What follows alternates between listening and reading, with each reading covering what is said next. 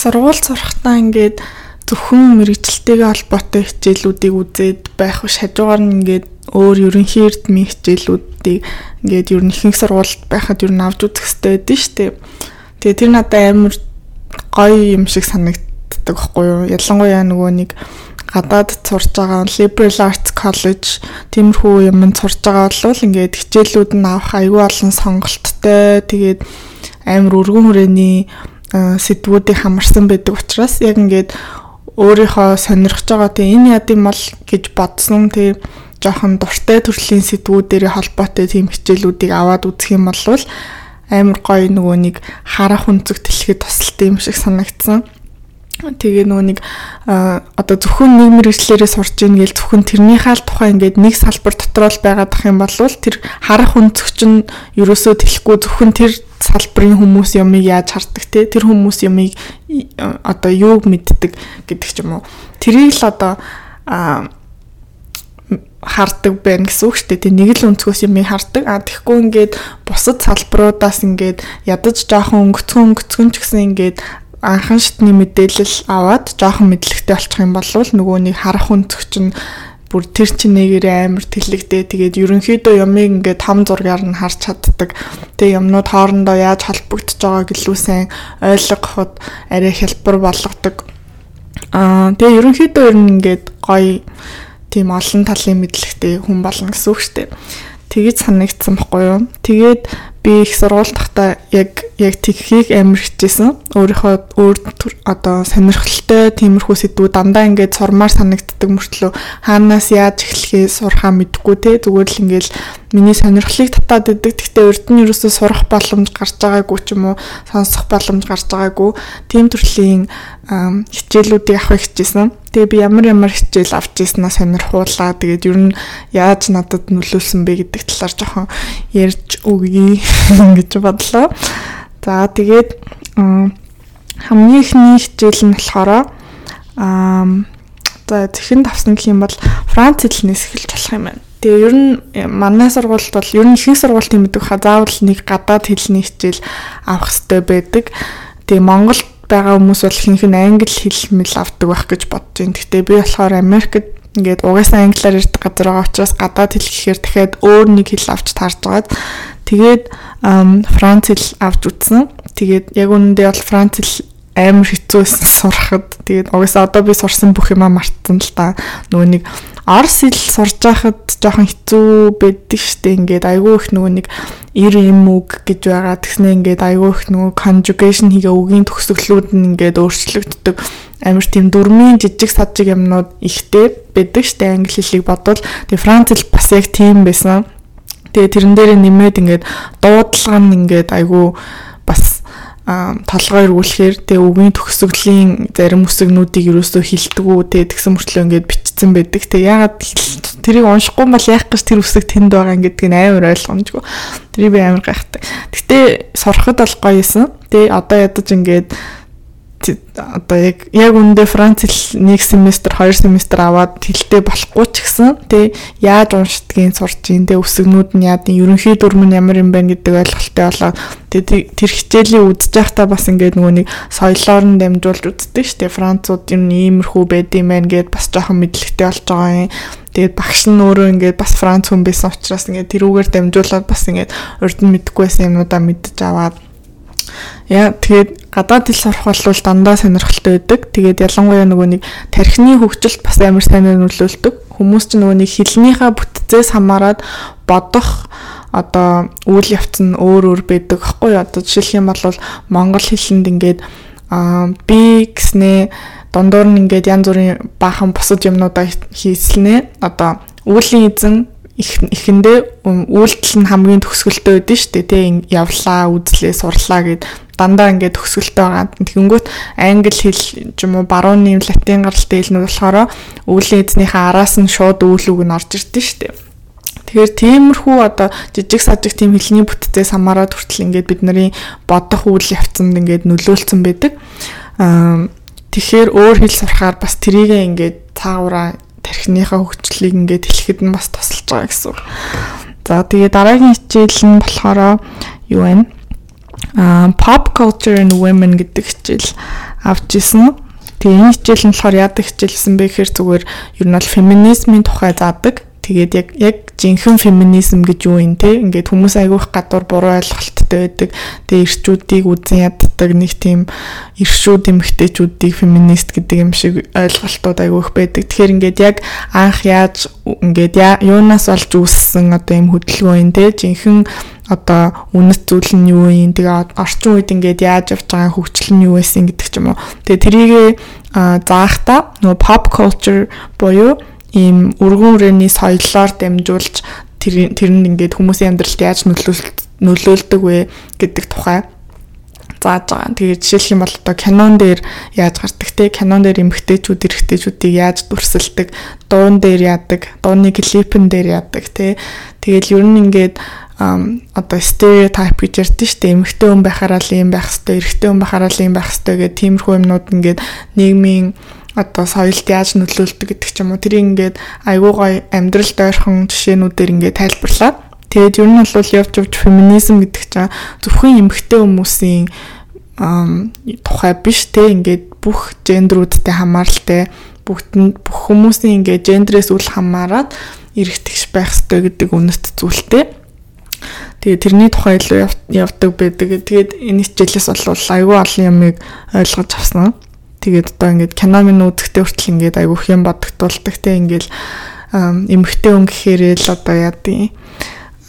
дандаа ингээд сайдкикийн дүр тоглолдог ч юм уу тий гол дүрийн юм байдгүй энэ гэдэг ч юм уу. Гэтэ яг сүүлийн үед кинонууд Холливуд энтрээс угаасаа айгүйх нөгөө нэг шүүмжлэл авсан учраас тэрэн дээр айгүйх ажиллаж байгаа. Тэг ингээд нөгөө нэг гадаад Аз, Африк хүмүүсийг илүү их кинонд тоглуулдаг болсон ч юм уу. Тэг эмхтэй найруулагч нарыг илүү дэмждэг болсон ч юм уу. Мэдээж progress бол явж байгаа. Гэтэ стил ингээд хийх юмнууд айгүйх байгаа байна гэдгийг бол энэ хичээлээс ойлгож авсан. За тэгээд listening to music гэдэг хичээл авсан юм. Энэ болохоор ерөнхийдөө зүгээр нөгөө нэг э, дэлхийн хөгжмийн соёлын тухай гэсэн үг байхгүй юу? Хөгжим ингээд анх ер нь хаанаас яаж үүссэн, тэгээд ямар үйл явцаар ингэж хөгжиж яваад, ямар ямар хөдөлгөөнүүдээр яваад, одоо ямар байгаа ингээд тэгээ ерөнхийдөө нөгөө нэг классик хөгжмүүд те хөгжим гэдэг чинь ер нь яг юунаас бүтдیں۔ Цаагаараа ямар утга учиртай байж болтیں۔ Юу нь сайн хөгжим гэдэг одоо дүгнэлтийг гаргадیں гэдэг ч юм уу. Тэр тиймэрхүү талаар бас судалсан айгуу сонирхолтой. За тэгээд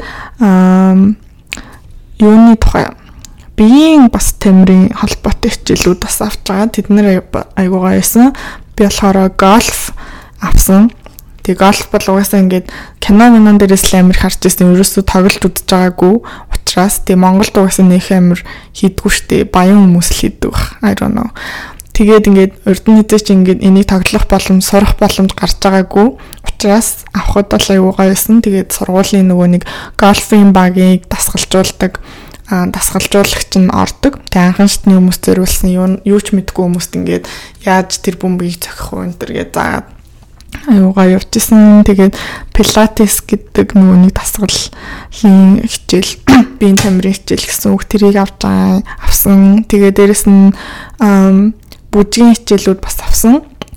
Modern dance тэгээд introduction to dance гэдэг юу нэгээд бүжгийн төрлүүдийг төрлүүдээс ингээд цохос цохос ингээ анхан шатны хүмүүст зориулаад заагаа явдаг. Тэгээ өөрсдөр нь бас ингээд бүжиг дэглүүлэх боломж олгодог.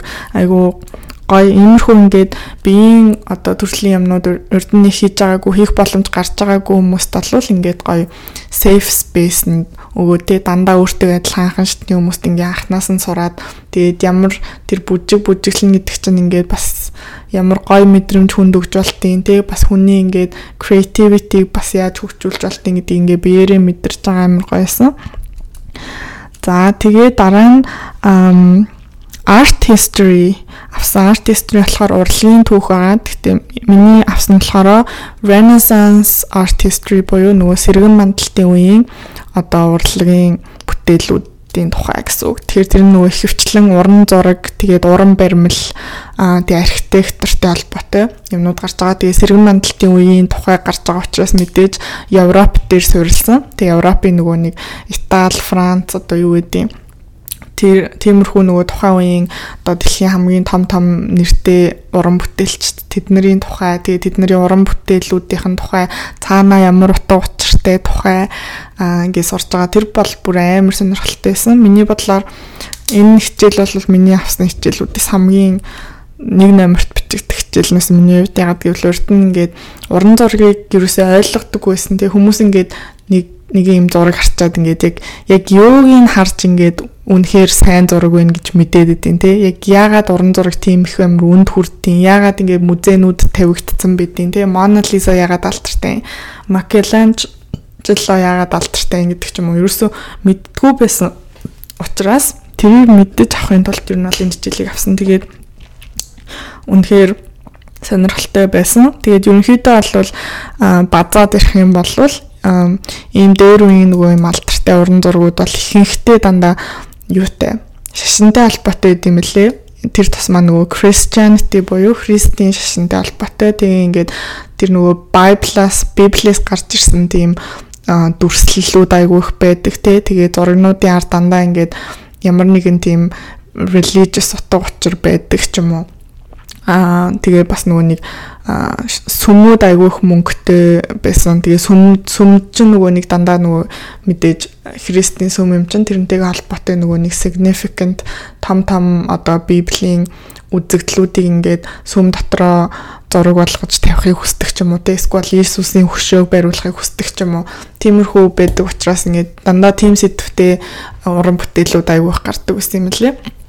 Аа тэгээд ер нь тэрнээс гадна ингээд ер нь уран бүтээлчдийг юу н алдартай болгодог гэхээр ингээд шин одоо техник ч юм уу те урд нь хэний ч хийж байгаагүй юмнуудыг айгүйх инновацлж гаргаж иржсэн тиймэрхүү уран бүтээлч нар бас айгүйх алдартай гэдэг ч юм уу те тэгээ тиймэрхүү байдлаар айгүй олон юмыг бол эндээс сурч авсан. Тэгээ дараа би боломж гарах юм бол аа яг зарим зурагнуудаас нь жишээ аваад ингээд энэ ямар учиртай гэдгийг сурсан зүйлээ ингээд тайлбарлаад хий гэж бас бодож байна. Тэгвэл сонирхолтой гэж магадгүй.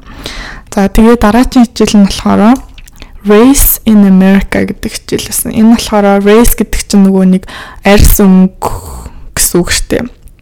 Нөгөө Аз white цагаан хар гэд ингээд хүмүүсийг арьс өнгөөр нь ингээд хуваад штэ тэрийг race гэж байгаа. Тэгэхээр Америк ч нөгөө нэг айгүйх цагаачтаас бүрдсэн улс учраас ингээд бүх төрлийн одоо race-ууд холилдсон байдаг учраас ингээд айгүйх тийм одоо зөрчлүүд ингээд гардаг түүхэндээж гарч исэн одоо ч гарсаар байгаа тийм ингээд харуудыг одоо ялгуурлан гадуурхдаг те Hispanic Latino хүмүүсийг бас ингээд доогуур үздэг гэдэг ч юм уу. Тэгээд Азиудтай холбоотой бас янз бүрийн стереотип байдаг ч юм уу. Тэгээд Америкт ингээд дотроо одоо тэр арьс өнгөний ялгаанаас болж айгүйх ингээд зөрчил тэгээд би бинийгээ ялгуурлан гадуурхаж байгаа хүмүүсийн эрхийг зөрчиж байгаа асуудлууд гардаг. Тэгээд тэрний тухай судалдаг. Тэгээд яагаад тийм зүйл болдог тий. Тэгээд урд нь ер нь түүхэндээ ямар ямар юм болж исэн гэдэг тухай үдсэн хичээл байгаа. Энэ бас айгүй сонирхолтой хичээл байсан. За тэгээд дараа нь Intro to Bible буюу Библийн одоо Библи ерөөсөө мэдгүй хүмүүст ингээд библ гэдэг чинь юм юм байт юм аа юм юмны тухай ийм юм юм гард юм аа гэж зааж өгдөг тийм анхан шатны библийн хичээлсэн байхгүй Тэгээд би бол христийн шашинтай хүн биш. Учираас ингээд насаараа библ библгээ зөндөө сонсч ирсэн ч гэсэн яг үнэндээ дотроо яг юу гартын те яагаад хүмүүс ингээд энэ шашинд ингээ итгээд бурхан байдаг гэдэгт итгээ явдیں۔ Тэ тэр сургаалууд нь юмнууд нь юу байдیں۔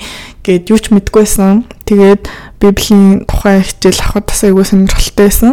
Бодсноос амар өөр байсан. Тэгээд яа, ер нь тэгээд зааж исэн багш нь бас өөрөө ингээд айгүй тэрэндээ итгэдэгтэй ингээд өөрөө айгүй passionate байгаа юм а зааж байгаа учраас тэрнээс бас илүү ингээд нөгөө нэг христийн шашинтай хүмүүс юу гэж энэ ямар өнцгөр хартын гэдгийг харахад айгүй тустай хичээлсэн юм шиг санагддаг. Тэгээ ямар ч шашин байсан юу нэгээд өөрөө чи итгэдэггүй байсан ч гэсэн ингээд хүмүүсийн перспективыг ойлгоно те тэр хүмүүсийн одоо үдэл бодлыг хүндлэн гэдэг нь амар чухал. Тэгэхээр өөр шашнуудын тухай судлах бас айгүй хэрэгтэй юм шиг надад санагдсан. За тэгээ дараа нь а олон улсын харилцааны хичээл авсан. Энэ бол мэдээж а би яг олон улсын харилцааны тухай юу ч мэддэггүй байхгүй юу. Ингээл нэг ингээл Путин нэг юм хийлээл гэхийн, тэгээ Францын ерөнхийлөгч инглээл гэхийн, Хятад инглээ гэхийн ингээд яг үүндээ тэр нь хоорондоо яаж холбогдоод тэгээд ингээд яад юм тий. Нөгөө нэг нүүб энтер чинь яагаад тийм амар хүч муутай байдیں гэдэг ч юм уу.